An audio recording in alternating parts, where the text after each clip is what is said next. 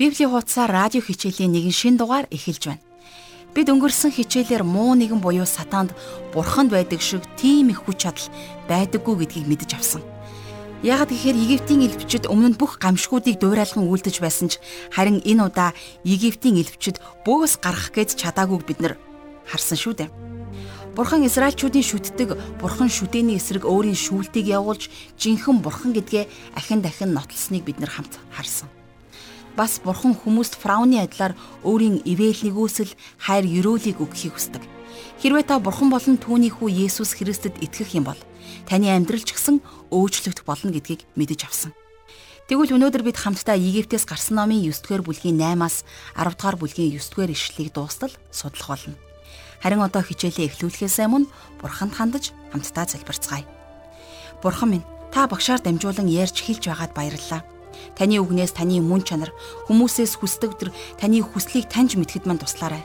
Энэ хорвоо дээр олон янзын ихтгэл үнэмшил, шашин шүтлэг байгаа ч гэсэн бид нар эдгээрийг үл тоогоод жинхэнэ бурхан таныг илүү их таньж мэдэж танд бид амьдралаа өргөхийг хүсэж байна.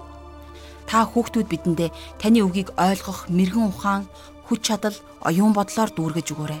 Бид хичээлийн энэ цагийг танд даатгаж Есүс Христийн нэрээр залбирлаа. Амен. Харин одоо жаргалах шиг ярианд анхаарлаа хандуулъя. За тэгэхээр өмнөх хичээлээрээ бид нэр 5 дахь гамшигын талаар үзсэн. За бурхны явуулсан 5 дахь гамшиг нь аимшигт тагал өвчин байсан.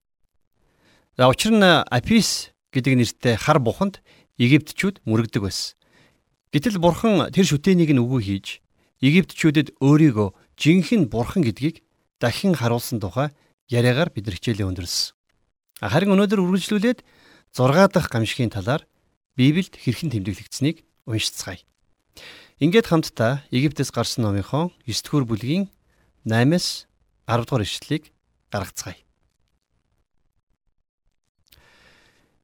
Эзэн Мосе Аарон нарт зуухны үнснээс хоёр алгандаа дүүргэн авч фараоны нүдний өмнө Мосе түүнийг тэнгэр өд цацаг. Тэр үнс Египтийн бүх нутагт тоос болж Египтийн нутаг даяар бүх хүм малд идээд яр халдаана гэж айлдав. Тэд зуухнаас үнс аван фараоны өмнө зогслоо. Мосе түүнийг тэнгэрөө цацсанд хүм малд идээд яр халдваа гэсэн байна. За энэ гамшиг магадгүй фараоны дэрэгдээс эхэлсэн байх. Тэр хамгийн түрүүнд идээд яр нь баригдсан болов уу гэж би хувьдаа таамагладаг. Харин илвчид энэ үеэр яаж байсан талаар бичээсээс цааш нь үргэлжлүүлэн харцгаая. За 11-р эшлэлдэр Иливчид ч идет ярнаас болж Мосегийн өмнө зогсож чадсангүй. Яагад гэвэл Иливчдэд бүх Египтчүүдэд идет яр халдсан болоо гэсэн байна. Тэгэхээр фараон үргэлж өөрийн Иливчид за мөн өөрт нь зөвлөдөг мэрэгдтэйгээ хамт байдаг байсан. Фараоны Иливчид эхний 3 гамшигыг бол дуурайж чадсан. Харин Бурхны Египт нутагт тархаасан дөрөв дэх гамшигыг Иливчид дуурайж чадаагүй. За одоо энэ гамшигт тэд нар өөрсдөө нэрвэгдэж идээд яр өвчин тусцгаасан байна. За ийхүү Бурхны шүүлд анх удаага Египт хүн дээр хурч байна. Тэгэхээр яагаад Бурхан хүн дээр шүүлтийг болгосон гэж та бодож байна? Учир нь Египтийн сүм хийдүүдэд үйлчлдэг байсан тахилч нар ямар нэгэн өвчин эмгэггүй цэвэр байх ёстой байсан. Гэтэл гинэд идээд ярны энэ халдвар тэдний дээр гарч ирээд одоо тэд нэр цэвэр биш болсон учраас сүм хийдүүдэд үйлчлэхэд тохирохгүй болсон байна. За энэ нь Египтийн бүх хуурамч мөргөлд зогсолтыг авчирсан юм. За Мемфис бол маш том хот. А гэхдээ одоо бол баг балгас болсон байл. Археологчид тэр агуу хотын хэмжээний талаар зарим нэгэн зүйлийг тэмдэглэсэн байдаг юм. Мемфист 1000 гаруй сүм хийд байдаг байсан. Ингэхдээ хотын гол гудамжны нэг захаас нөгөө зах хүртэл сүм хийдүүд ар араасаа цувран байрладаг байсан. Харин бурхан идээд яр өвчнөөр Египтийн сүмийн тахилчдыг цохиход сүм хийдүүдэд ер нь юу болсон болоо? Та төсөлж байна уу? Магадгүй бүх үйл ажиллагаа нь зогссон байх. Хотын бүх тод гэрлүүд нь ундарсан байх. Би Лас Вегаст болсон нэгэн бослохын талаар уншиж байснаа санаж байна дэлхийн хаанаас илүү их неоны гэрлүүд асдаг вэ гэвэл Лас Вегасаас. Хэрвээ та Лас Вегасын дээгүүр шүн онгоцоор нисвэл тэнд нар мандаж байна гэж бодохоор үнэхээр хурц гэрэлтэй байдаг. Тэгтэл нэгэн удаа тэнд бослог гарч гэрлүүд нь унтарсан байна. Буудлууд хаагдж хүмүүс нь гарч явцгаас. За тэгвэл яг л Египтэд Лас Вегасын шиг тийм нөхцөл байдал учирсан лавтай. Хуурамч шашнууд бүгд ажилгүй болж бүх хүмүүс идээд яр өвчин тусч тахилч нар сүм хийдүүдэд үйлчилж чадхааргүй болсон. Сүм хийдүүдийн үүдэн дээр магадгүй өвчний улмаас хаасан гэсэн том бичиг байсан байх. Ийм хүнд нөхцөл байдал Египт нутагт учрахад фараон хаан ямар шийдвэр гаргасныг харин одоо Египтээс гарсан номынхон 9-р бүлгийн 12-оос 13 дугаар ишлэлээр харцгаая. Эзэн фараоны зүрхийг хатууруулав. Мосед эзний айлдсанчлан тэр тэднийг сонссонгүй. Эзэн Мосед өглөө эрт босож фараоны өмнө зогсож түүнд еврейчүүдийн бурхан эзэн ингэж айлдж байна. Миний ард түмнийг явуул. Тэд надад үйлчилнэ гэсэн байна. За тэгэхээр фараон өөрөө ч гэсэн бас идээд яр өвчин туссан ч гэсэн Израильчуудыг явуулахгүй гэдэгтээ баттай зогссон. Харин бурхан өөрийнхөө зарц Мосегээр дамжуулж өөрийн хүмүүсийг суллан явуул гэж түүнд үргэлжлүүлэн хэлүүлсээр л байсан. За магадгүй та өмнөх дугааруудыг сонссон бол бурхан миний ард түмнийг явуул тэд нар надад үйлчилнэ гэж бид нар ер нь хит удаага уншиж байгаа билээ. Фараон Израилийг газар нутгаас явуулахаас татгалцсан хിവэрэл байна. За цааш нь 14-өөс 17 дугаар ишлэлийг харцгаая. Учир нь энэ удаа би өөрийн бүх гамшигыг чиний зүрхэнд болон чиний зарц нарт чиний ард түмэн дээр илгээнэ.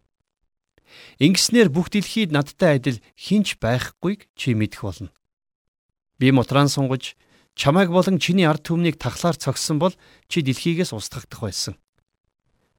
Харин би өөрийн хүчийг чамд үзүүлж, өөрийн нэрийг бүх дэлхий даяар тунхлахын тулд үүний төлөө чамайг босгосон юм. Гэвч Чи миний ард түмнийг явуулахгүй. Тэдний эсрэг өөрийгөө өргөмжилсөөр байна гэж бичсэн байна. Тэгэхээр бурхан өөрийнхөө хүч чадлыг газар дэлхий дээр харуулахын тулд фараоныг ашиглахыг хүссэн байна. За учир нь Египт нутаг бол үе үеийн хаадуудаараа булш бунхан пирамидаараа дэлхийд алдартай. Энийг алдар хүндээс бурхан илүү гэдгийг харуулахыг зорьсон. За одоо хамтдаа 7 дахь гамшигын талаар бичээсээс харцгаая. За 9 дугаар бүлгийн 18 дугаар эшлэлдэр Үзэгтэн Египт үүссэн цагаас хойш өдий хүртэл үзээгүй хүчтэй мөндрийг би маргааш яг энэ цагийн орчимд оруулнаа гэсэн байна. Тэгэхээр Египт нутаг бол ерөнхийдөө бороо багтаа байдаг газар. За нэг жилийн дундаж хур тунцны хэмжээ нь 3 санжаас бага байдаг. Тэгэхээр бурхан тэднэрт бороо орох гэж байгааг хэлж байна. За тэгээд үргэлжлүүлэн бичээсээс харах юм бол 19-с 20 дугаар ишлэл дээр Одоо тийм учраас хүн илгээж өөрийн мал сүрэг ба хээр байгаа бүх юмсаа аюулгүй газар аваач. Хээр үлдэж герт хараагүй бүх хүн мал мөндөр буухад үхнэ гэж хэл химэн айлдав. Фараоны зарц нарын зарим нь эзний үгнээс айж өөрсдийн боол малыг гертэ бөөгнөлөв. За энэ бол тэд нар бурханд итгэдэг, итгэдэггүй асуулт. Өөрсдийгөө болон өөрийн мал сүргээ дотогш оруулаарай гэж бурхан энд хэлсэн. За олон хүмүүс бурханы хэлсэн үгэнд итгээгүй. Тэмч учраас тэд нар шүүлтийн үр дагаврыг амссан. Гэхдээ бурхан тэднэрт боломжийг олгосон юм. Харин бурханы сануулan хэлсэн боломжийг ашиглах ашиглахгүй нь тэдний сонголт байсан. За өнөөдөр ч гэсэн бурхан биднэрт энэ сонголтыг өгч байгааг та санаарай. За 21 дугаар ишлэгийг харах юм бол харин эзний үгийг ойшоогоогүй нь өөрсдийн боол малыг хээр орхив. За бурхны энэ гамшиг нь Исис буюу үнэ толгойтой гэж дүрслэгддэг үржил шимийн охин тэнгэр агаарын охин тэнгэрийн эсрэг чиглэсэн байсан. Тэр үлгэр домгийн Сет Нат нарын охин Осирисийн эгч эхнэр Хорусын ээж юм. Исисийн нулимс нил мөрөнд унж эргийг халихад хүргэн газар нутагт үржил шимийг авчирдгаа гэж Египтчүүд итгэн биширдэг байсан. За харин одоо цаашаа юу болсныг харцгаая. За 22-оос 25 дугаар ишлэл дээр. Эзэн Мосед Тэнгэр өд гараа сунгаж Египтийн бүх газарт Египтийн бүх нутаг даяар хүм мал тариалангийн талбайд ургасан бүхэн дээр мөндөр оруул гэж айлдав. Мосе таяга тэнгэр өд сунгахад эзэн аянга мөндрийг илгээсэн ба газарт гал цацрав. Эзэн Египтийн нутагт мөндөр орууллаа. Тэнд үндэстэн үлснээс хойш байгаагүй аимшигт мөндөр Египтийн бүх нутагт оров. Мөндрийн голд үргэлжлүүлэн гал цахилж байлаа. Египтийн нутаг даяар хээр байсан хүн малыг бүгдийг нь мөндөр цохив. Мөн тариалангийн бүх ургамлыг цохиж хээрийн бүх модыг хугачв. За тэгэхээр бурханд итгээгүй тэдгэр хүмүүс ямар ч хамгаалах бэлтгэл хийгээгүй байсан. Яг египтчүүдэд хэрхэн анхааруулсан шигэ бурхан өнөөдөр ч гэсэн өөрийнхөө үгийг дэлхийд өгсөөр байгаа. Мөндөр орноо гэдгийг сонсож мэдсэн хэрнээ итгэхгүй. За юу ч болохгүй юм шиг алгасан хүмүүс бүгд үгцгээсэн байна. Тэгэхээр энэ нэгэн түүхийг санагдуулж байгаа биз? Яг Новагийн өдрүүдэд байсан шиг. Бас Христ шүүхээр дахин ирэх үед ч мөн үүнтэй адилхан байх болно гэж тэрээр зөвгөн хэлсэн байдаг. Тэгэхээр Египтийн олон хүмүүс Бурхны хэлсэн үгэнд итгээгүй. Тэгээд тэд нар өөрсдийн итгэлгүй байдлын төлөөсийг төлсөн. Төлөх төлөختөө бүр амиараа төлсөн. Харин Бурхан өөрт нь итгэхийг л биднээс хүсдэг юм. За 26 дугаар ишлэгийг харъя. Зөвхөн Израилийн хөвгүүдийн амьдарч байсан Гошен газарт мөндөр орсонгүй. За үүнээс хойш Гошен нутаг Египтийн газар нутаг руу ирэх гамшгуудаас тусгаарлагдах болно гэж хэлсэн Бурхны үг биелэлээ олж тэгээд улмаар тэднийг Бурхан өөрөө хамгаалсан юм. За 27 дугаар ишлэлдэр Мосе Аарон нарыг дуудахаар фараон хүн илгээж тэдэнд энэ удаа би нүгэл үлдлээ. Эзэн бол зөв шудраг Би болон миний ард түмэн бузар муу билээ гэж хэлсэн байна. За энэ нь фараон анх удаа гимээ улайсан тохиолдол баг юм. За харин одоо цаашаа юу гэж бичсэнийг 9 дугаар бүлгийнхээ 31 дугаар ишлээс харцгаая. Тэгэхэд арвай боловсрч майланг цэцгэлж байсан учраас майланг болон арвай сүйтгэгдэв. Харин улаан буудаа хүц будаа нь сүйтгэгдээгүй. Ягд гэвэл тэдгээр нь ургаагүй байсан гэж дараагийн буюу 32 дугаар ишлэлдэр хэлсэн байдаг. Тэгэхээр бүх ургацсан цохигдсон байна. Энэ нь Египтийн хоол хувцсны эсрэг чиглэсэн бурхны нэгэн шүүлт байсан юм. За одоо харин 35 дугаар ишлэлээр үргэлжлүүлэн харцгаая. Фараоны зүрх хатуурч эзэн Мосегээр дамжуулан айлдсанчлан Израилийн хөвүүдийг явуулсангүй. За бурхан Египтчүүдийг сэрээж тэднийг хуурамч мөрөглөөсөө салаа гэж сэгсэрч байна. Харин ард түмнийх нь удирдагч фараон өөрийнхөө зүрх сэтгэлийг хатууруулсан хിവэрэл байсан. За ингээд Египтээс гарсан номын 10 дугаар бүлгээс эхлэн судлах гэж байна. Тэгэхээр 10 дугаар бүлгээс харах юм бол Бурхан фараоныг царцааны гамшигар сүрдүүлсэн байдаг. Фараон хизээ нэг израилчуудыг явуулах юм бол доо гэж магадгүй та бодож байгаа. Фараон өөрийнхөө зүрхийг хатууруулж байгаа нь Бурханы төлөвлөгөөний бас нэгэн чухал хэсэг байсан юм. За ингээд хамтдаа Египтээс гарсан номын 10 дугаар бүлгийн 1-ээс 2 дугаар ишлэлийг гаргацгаая. Эзэн Мосед фараон руу оч. Учир нь би түүний зүрх болон зарц нарын зүрхийг хатууруулсан. Ингэснээр би өөрийн эдгээр тэмдгүүдийг тэдний дунд тавьж мөн Египтчүүдийг хэрхэн илэг доог болгож Би тэдний дунд хэрхэн тэмдгүүдэд тавьсныг та нар үр хүүхэд ач нарынхан чихэнд сонирдуулна. Ингэснээр та нар намайг эзэн мөн гэдгийг мэдэх болноо. За тэгэхээр бурхны энд хийж байгаа зүйлэнд маш олон шалтгаан байдаг. Гамшгуудыг Египтэд үзүүлж байгаа нэг шалтгаан бол фараоныг бурхангүй хүн байсан гэдгийг түүнд өөрт нь илчилж харуулахын тулд байсан. За уг нь бол бурхан фараонтой нэг их хилцээр хийхгүйгээр Израилийн хүүхдүүдийг газар нутгаас нь шууд гаргаж чадах байсан. Бурхан фараонд Израилийг явуулах боломжийг өгч чадах байсан. Тэгэхээр өмнөх хичээлүүдээр үздсэнчлэн бурхан фараоны зүрхийг хатууруулсан юм. Бурхан маш инэрэнгуй учраас фараонд аврагдах боломжийг өгсөөр л байсан. Тийм ээ. Энэ л бурханы хийсэн зүйл байсан юм. Бурхан өөрийнхөө хүмүүс буюу Израильчуудыг цөл рүү аваачхаасаа ч өмнө бас өөрийнхөө хийж чадах зүйлээ үзүүлэхийг хүссэн. Бурхан тэднийг Авраам, Исаак, Яаков нарт амласан газар руу авчрах чадaltaй гэдгээ тэдэнд мэдүүлэхийг хүссэн. За ингээд цаашаа үйл явдал хэрхэн өрнөж байгааг хамтдаа 10 дугаар бүлгийнхээ 3-аас 7 дугаар ишлэлээс харцгаая. Мосе Аарон нар фараонд очиж түүнд Еврейчүүдийн бурхан эзэн ингэж айлдж байна. Чи хэдий удаан миний өмнө номхорхоос татгалцсаар байх вэ?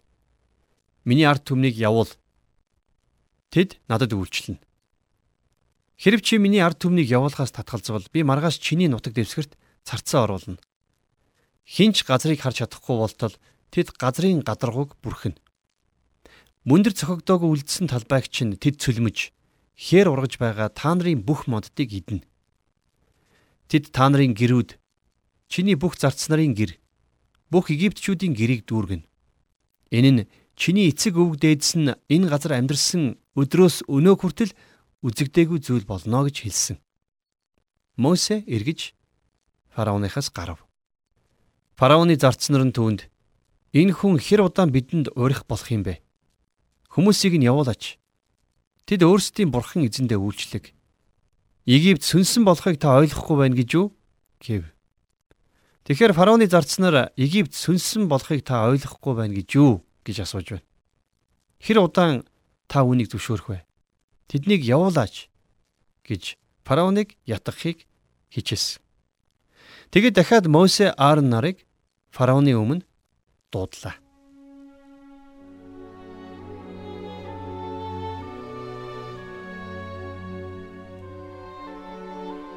Тэгэхээр бид Библийн хуудасаар нэвтрүүлгийн нэгэн шин дугаарыг хамтдаа сонслоо. Өнөөдрийн хичээлээр багш их олон сонирхолтой зүйлийг заалаа. Тухайлбал бурхан Эдэт ярыг Египтийн нутгийн бүх хүн малд гаргаж Мемфис хотын ариун цэвэр байх ёстой дахилчдын сүмийнх нь хаалгыг хаахад хүргэсэн. А бас урдны Египт нутагт хизээж орж байгаагүй тийм их том өндрөөр тэр нутгийн хүммал газар тариалангийн сүйтгэсэн. А бас бурхан Египт нутагт урд нь хизээж байгаагүй тийм их зарцаа нүдлийг оруулсан. Тэгэхээр бурханы Египт нутагт учруулсан эдгээр гайхамшгууд нь тус бүрдээ Египт нутгийн хиймэл шүтэнүүдийн эсрэг чиглэсэн байсан юм. Бурхан Фраунд чиний шүтээд байгаа, чиний мөргөж хүндлээд байгаа эдгээр зүйлс чинь бүгд хуурамч юм аа. Харин би бол жинхэнэ бурхан гэдгийг харуулж ойлгуулахыг хүссэн бас тгээж зогсохгүй фараунд аврагдах боломжийг бурхан өгсөн юм. Дашрамт хэлэхэд фараунд өгсөн тэр бүх боломж өнөөдөр та бидэнд ч гэсэн байгаа гэдгийг хэлэхэд баяртай. Энүүгээр өнөөдрийн хичээлээ хамтдаа дуусгаад бурханд хандаж залбирцгаая. Бурхан минь бид өнөөдрийн хичээлийн төлөө онцгойлон талархаж байна. Та бол бүхнийг бүтээсэн. Энэ дэлхий дээрх амьдралыг та эхлүүлсэн мөнхийн эзэн. Та бол цаг хугацаа орон зайд баригддаггүй. Хаанч хэнийч зүрхэнд орших хүч чадалтай цорын ганц бурхан. Бурхан минь та анхны хүн Адам Ева хоёрт амьдрал бэлгэлсэн шигэ. Та бас Ситхарта Гуатама, та бас Мухаммед зэрэг шашны удирдагчдыг бүтээж та тэдэнд ам амьдралыг бэлгэлсэн. Та бол юутэйч зүүрлэшгүй, хинтээж харьцуулашгүй төгс хүчит нэгэн. Таны хайр инэрлийг ойлгохгүй байсан фраун шиг зүрхээ хатууруулж явсан мүч болгоныг минь та уучлж өршөөж өгөөрэй. Бид ирээдүйн бүх амьдралаа танд даатгаж бидний цорын ганц найдвар Есүс Христийн нэрээр залбирлаа. Амен.